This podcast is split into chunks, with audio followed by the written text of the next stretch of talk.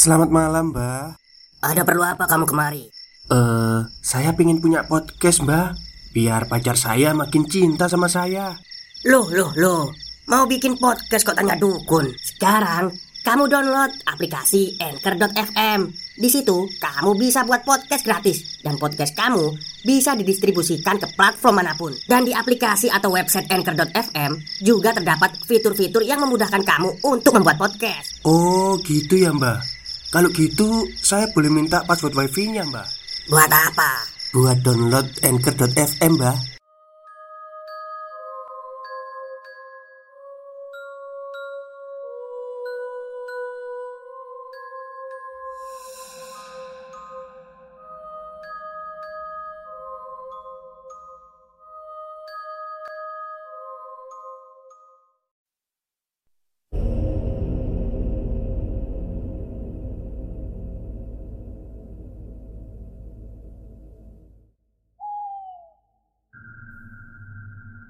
Assalamualaikum warahmatullahi wabarakatuh. Halo semuanya, jumpa lagi dengan saya Chow Sing Sing Kurator dari podcast Horror Night Story. Halo, apa kabar semuanya? Semoga kalian semua sehat-sehat ya.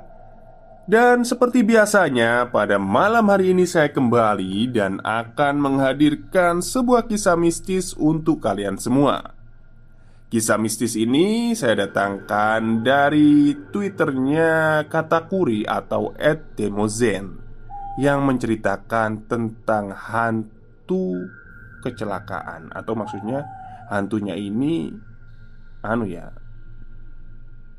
jadi hantu setelah kecelakaan kayak gitulah intinya. Oke, daripada kita berlama-lama, mari kita simak ceritanya.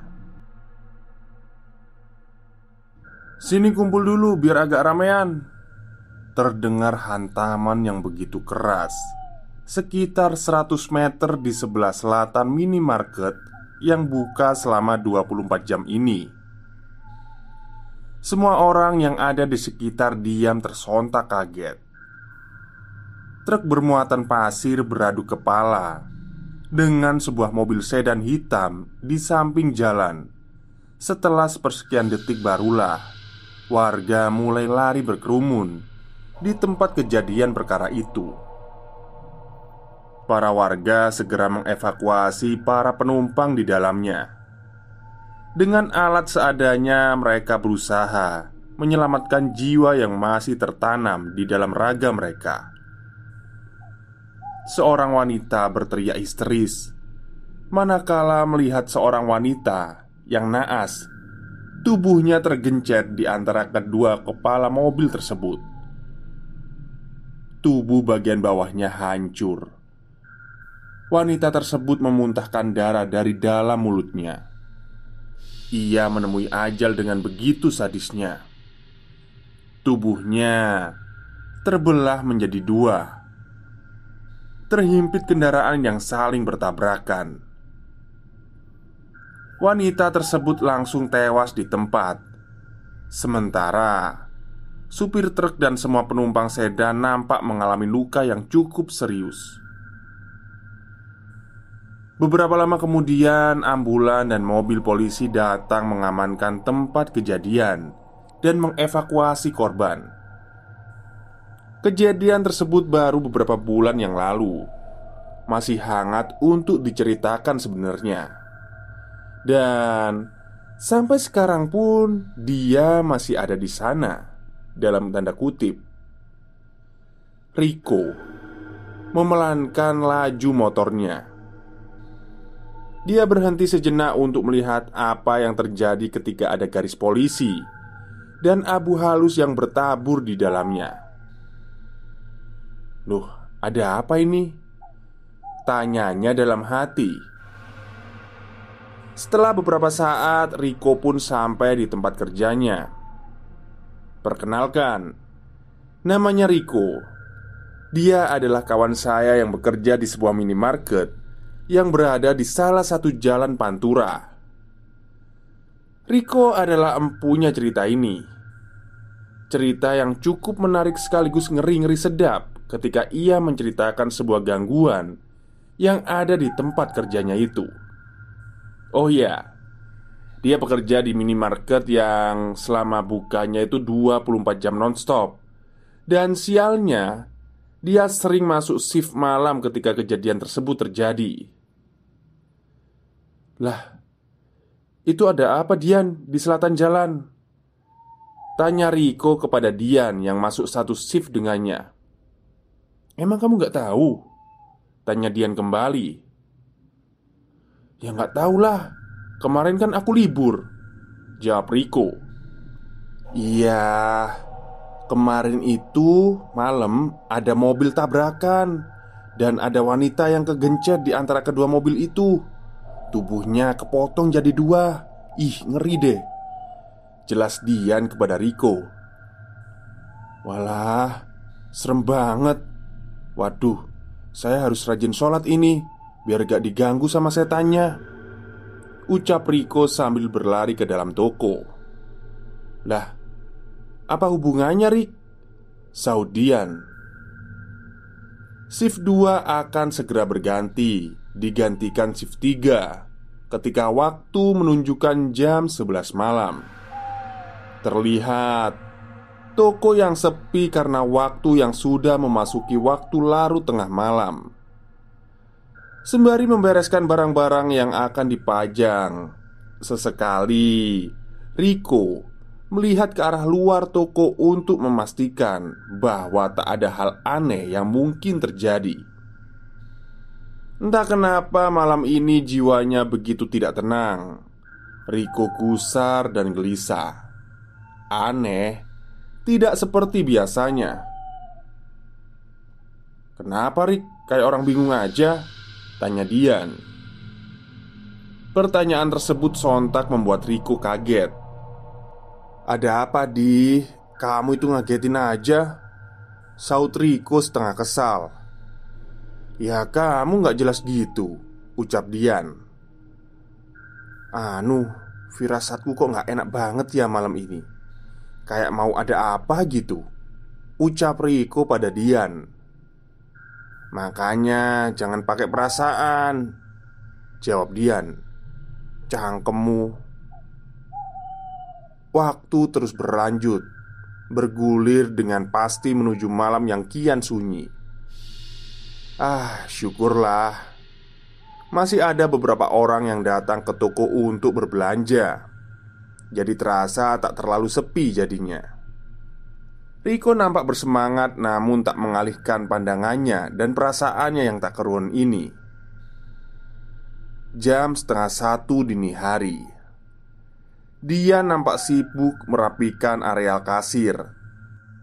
Sementara Riko pun nampak sibuk dengan barang-barang yang sedang ia display Agar terlihat rapi dan penuh Bel tanda masuk berbunyi yang berarti ada seseorang yang masuk ke dalam toko mereka.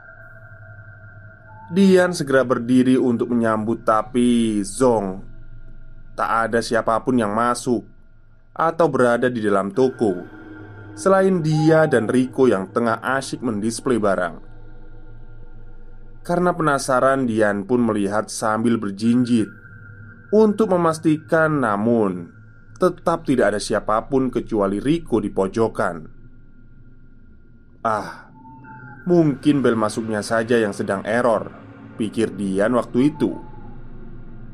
Dia kembali membersihkan areal kasirnya. Tak beberapa lama, Riko datang menghampiri. "Eh, Yan, itu perempuan di pojok kok cuma diem aja nggak belanja? Tanyain lagi," kata Riko kepada Dian. Mana sih? Tanggap Dian. Itu tuh.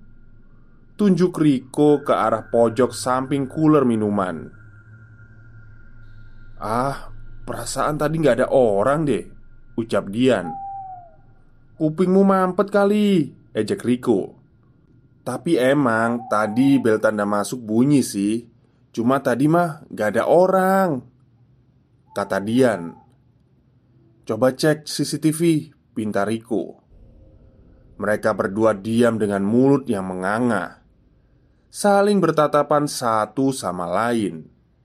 Saat melihat rekaman CCTV di mana wanita tersebut berada, Wanita tersebut nampak jelas di hadapan mata, namun tak terlihat di dalam rekaman CCTV.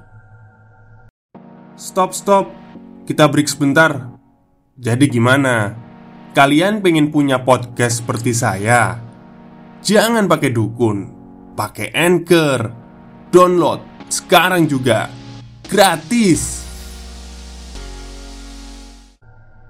Riko menelan ludah dengan apa yang terjadi itu. Wanita tersebut masih berada di pojok, namun tak terlihat di layar monitor. Riko terus melihat ke arah layar CCTV dan di mana wanita tersebut berada. Berkali-kali ia melihat layar dan menoleh ke arah pojok untuk memastikan bahwa mata dan CCTV-nya tidak salah. Astagfirullah, astagfirullah, astagfirullah Ucap Riko dengan cukup keras Entah kenapa di dalam ruangan berpendingin ini Tubuhnya merasa gerah berkeringat Sangat panas Dinginnya AC tak mampu membuat tubuhnya adem dan tenang Riko dan Dian Bersembunyi di bawah kasir karena ketakutan Pikirannya berkecamuk, takut jikalau sosok tersebut datang menghampiri ke arah mereka. Ting tong, bel masuk kembali berbunyi. Mbak, mbak, ucap seseorang di balik meja. Dian dan Riko masih gemetar ketakutan. Mbak, mbak, mau bayar shipe nih mbak Ah, syukurlah. Berarti sosok dari yang punya suara tersebut adalah manusia. Tak mungkin juga rasanya ada hantu yang bayar belanja online. Dengan lemas, ia mencoba berdiri. Segera ia buang perasaan was-was dan wajah takutnya karena di depan pelanggan, dia harus memberikan senyuman dan pelayanan terbaiknya. Jam 2 dini hari Toko sudah sangat sepi Begitu jalan pantura di depan toko ini Nampak lenggang Hening Sepi termakan kegelapan malam. Riko memilih untuk menghilangkan kejadian yang ada di kepalanya. Kejadian yang sangat mengganggu pikirannya Dengan sebatang rokok di tangan. Duduk di depan toko yang sepi bermandi udara dingin itu. Sementara Dian nampak tengah membersihkan barang-barang yang tak jauh dari areal kasir karena ia masih merasa takut atas kejadian tadi. Sedang asyik-asyiknya bebersih, Dian kaget karena ulah Riko yang buru-buru masuk ke dalam. "Gendeng," ucap Riko Kenapa sih? Tanya Dian Setan tadi malah melambai-lambai di seberang jalan Nyuruh saya ke sana Jelas Riko Ah, yang bener kamu Ucap Dian kepada Riko Jangan mau, jangan mau. Di sini aja Katanya. Ih, siapa juga yang mau? Ucap Riko setengah kesal. Udahlah Mainin musik aja biar nggak sepirik Usul Dian. Usulan yang langsung direalisasikan oleh Riko Berharap malam yang menyebalkan ini segera berlalu. Ah, sial rasanya Jam 6 waktu pergantian shift masih cukup lama Semoga saja tidak terjadi hal yang buruk ke depannya Ucap doa Riko di dalam hati besok malamnya Riko tengah bersiap-siap untuk kembali berangkat kerja. Segera ia keluarkan motor kesayangannya dan segera memanasi mesin motornya. Saat sedang memanasi mesin motor, tercium aroma melati yang menusuk hidungnya. Tak lama, semerbak aroma tersebut berganti menjadi bau busuk yang mengganggu hidungnya.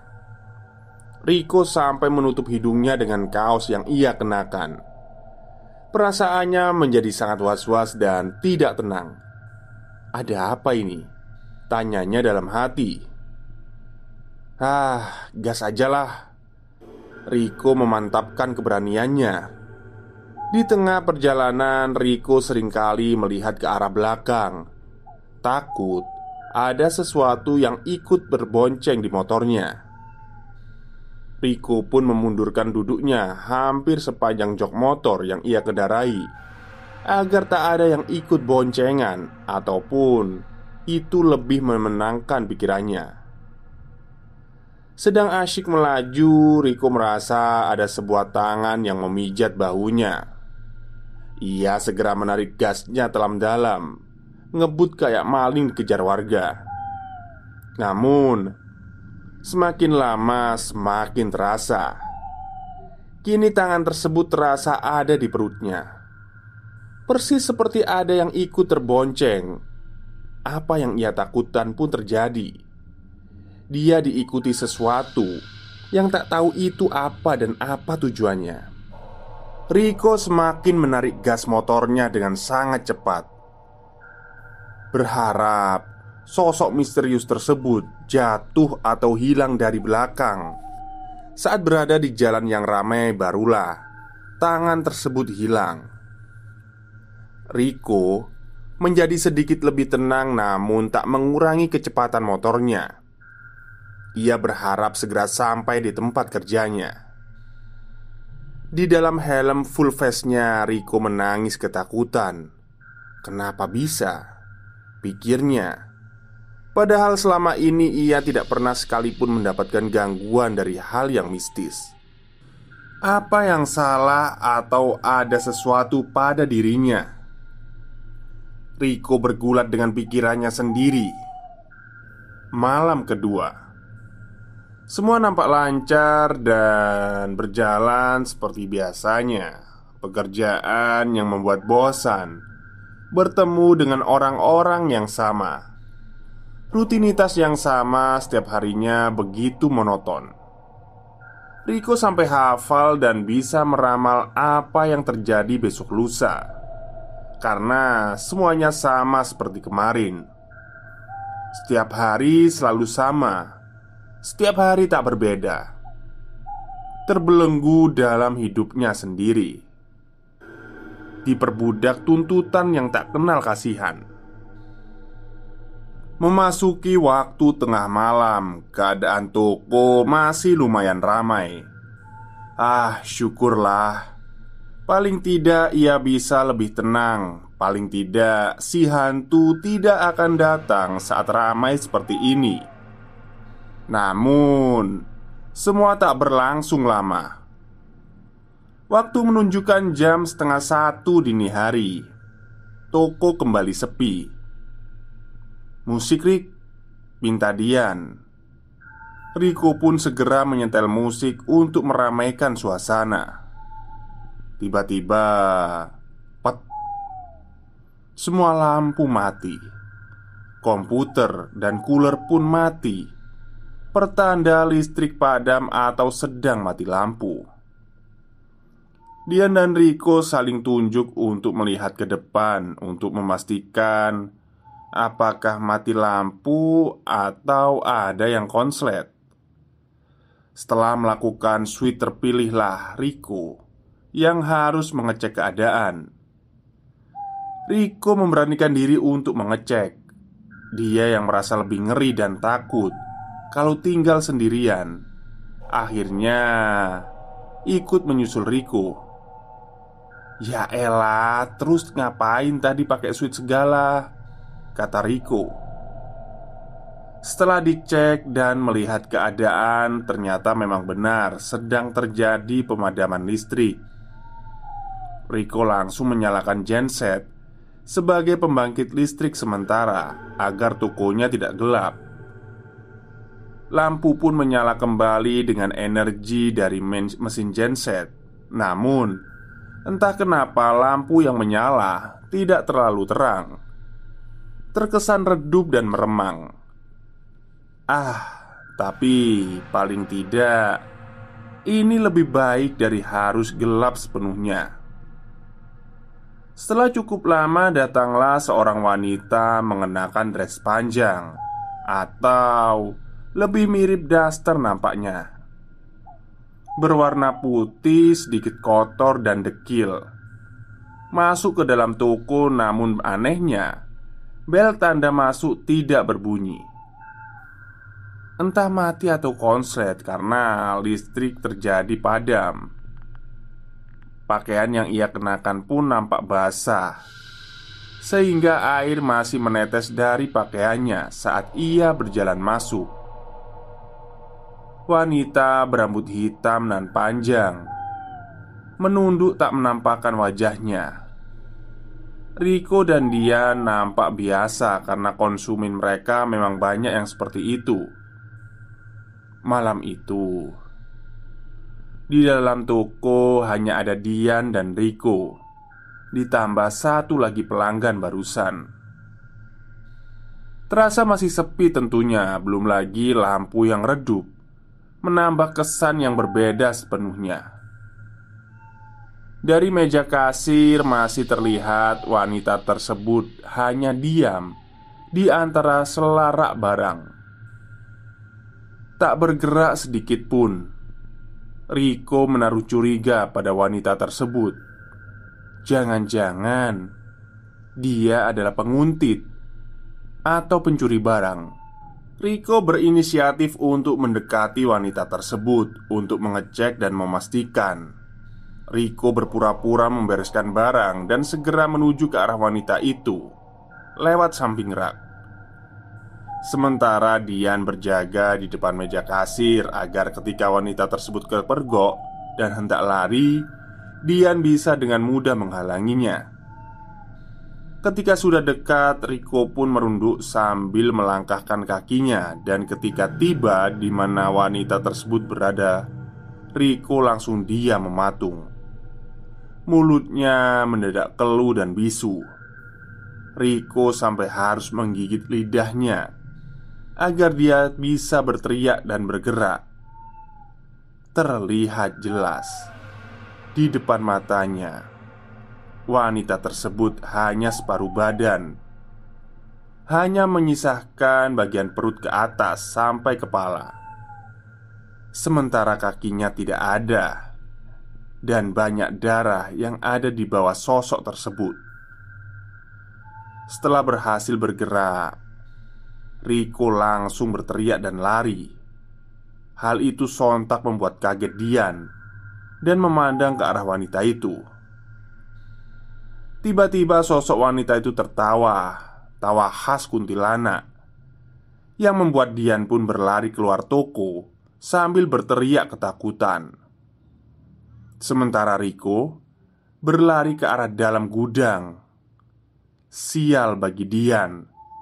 Tak seorang pun yang bisa ia mintai tolong Karena waktu sudah memasuki dini hari.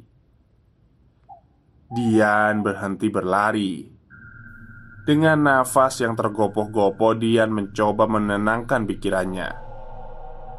Hari apa ini pikirnya? Begitu sial pokoknya. Sementara berjongkok di pojokan gudang Menahan rasa takut Keringat yang terus mengalir dari kening.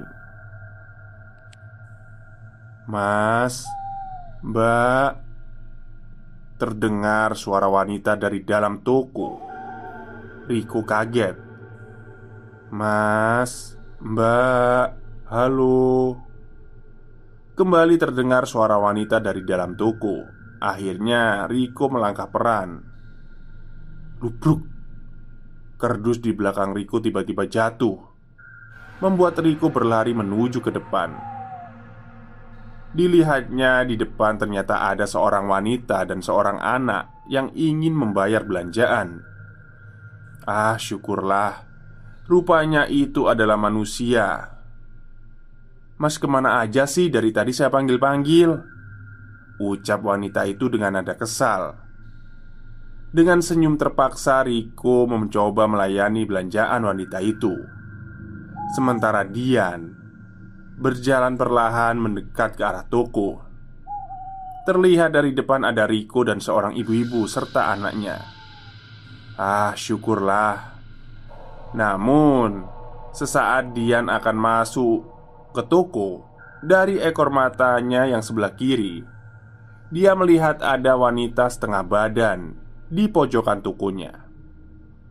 Sontak membuat Dian kembali panik dan takut dan segera masuk ke dalam toko sampai menabrak wanita yang tengah membayar belanjaannya itu. "Hati-hati, Mas, kalau jalan itu," ucap wanita itu kaget. "Iya, maaf, Mbak." Ucap Dian yang langsung berlari dan bersembunyi di bawah meja kasir. "Apa? Apa?" Ucap Riko antara kaget dan takut Dia ada di pojokan Rik Jawab Dian yang gemetar Ya Allah Gusti Apa nemen nasibku Ucap Riko memelas Tiba-tiba Brek Kepala hantu wanita tersebut menabrak kaca yang persis ada di samping Riko dan Dian. Kepalanya pecah dengan organ dalam tubuhnya yang menggantung Dan tersenyum ke arah mereka berdua. Riko langsung lemas saking kagetnya dan pingsan. Sementara Dian segera membaca ayat-ayat kitab suci yang ia bisa Terdengar cukup keras bacaannya Sementara sosok tersebut terus menghantamkan kepalanya ke tuku Hantaman kepalanya tak kalah keras dari bacaan ayat kursi yang Dian baca. Dian tak mampu melihat sosok itu. Dian terus merundukkan kepalanya, berharap semua kejadian buruk ini segera berakhir. Semakin lama, semakin hilang suara hantaman itu. Namun, Dian akhirnya mengendorkan bacaan darinya. Buru-buru, dia membangunkan Riko. Rik, Rik, bangun Rik Ucap Dian sambil menepuk-nepuk pipi Riko Rupanya cukup lama Riko pingsan Ia baru siuman ketika masuk waktu subuh Riko nampak shock Seperti orang linglung Wajahnya terlihat pucat dan lesu. Keesokan harinya Riko jatuh sakit. Badannya demam tinggi menggigil tak karuan. Kakek Riko yang sepertinya paham dengan apa yang terjadi pada cucunya Bergegas mencari daun kelor Dan secari gedebok pohon pisang batu hitam untuk mengobati cucunya itu. Mbah Warno mengambil air dan memasukkannya ke dalam wadah baskom berukuran sedang Dicelupkan daun kelor itu ke dalam baskom air Membaca sesuatu dan menghembuskan ke arah air di dalam baskom itu. Sementara secari gedebok dari pohon pisang batu hitam yang tadi ia bawa Diikatkan ke jempol kaki Riko.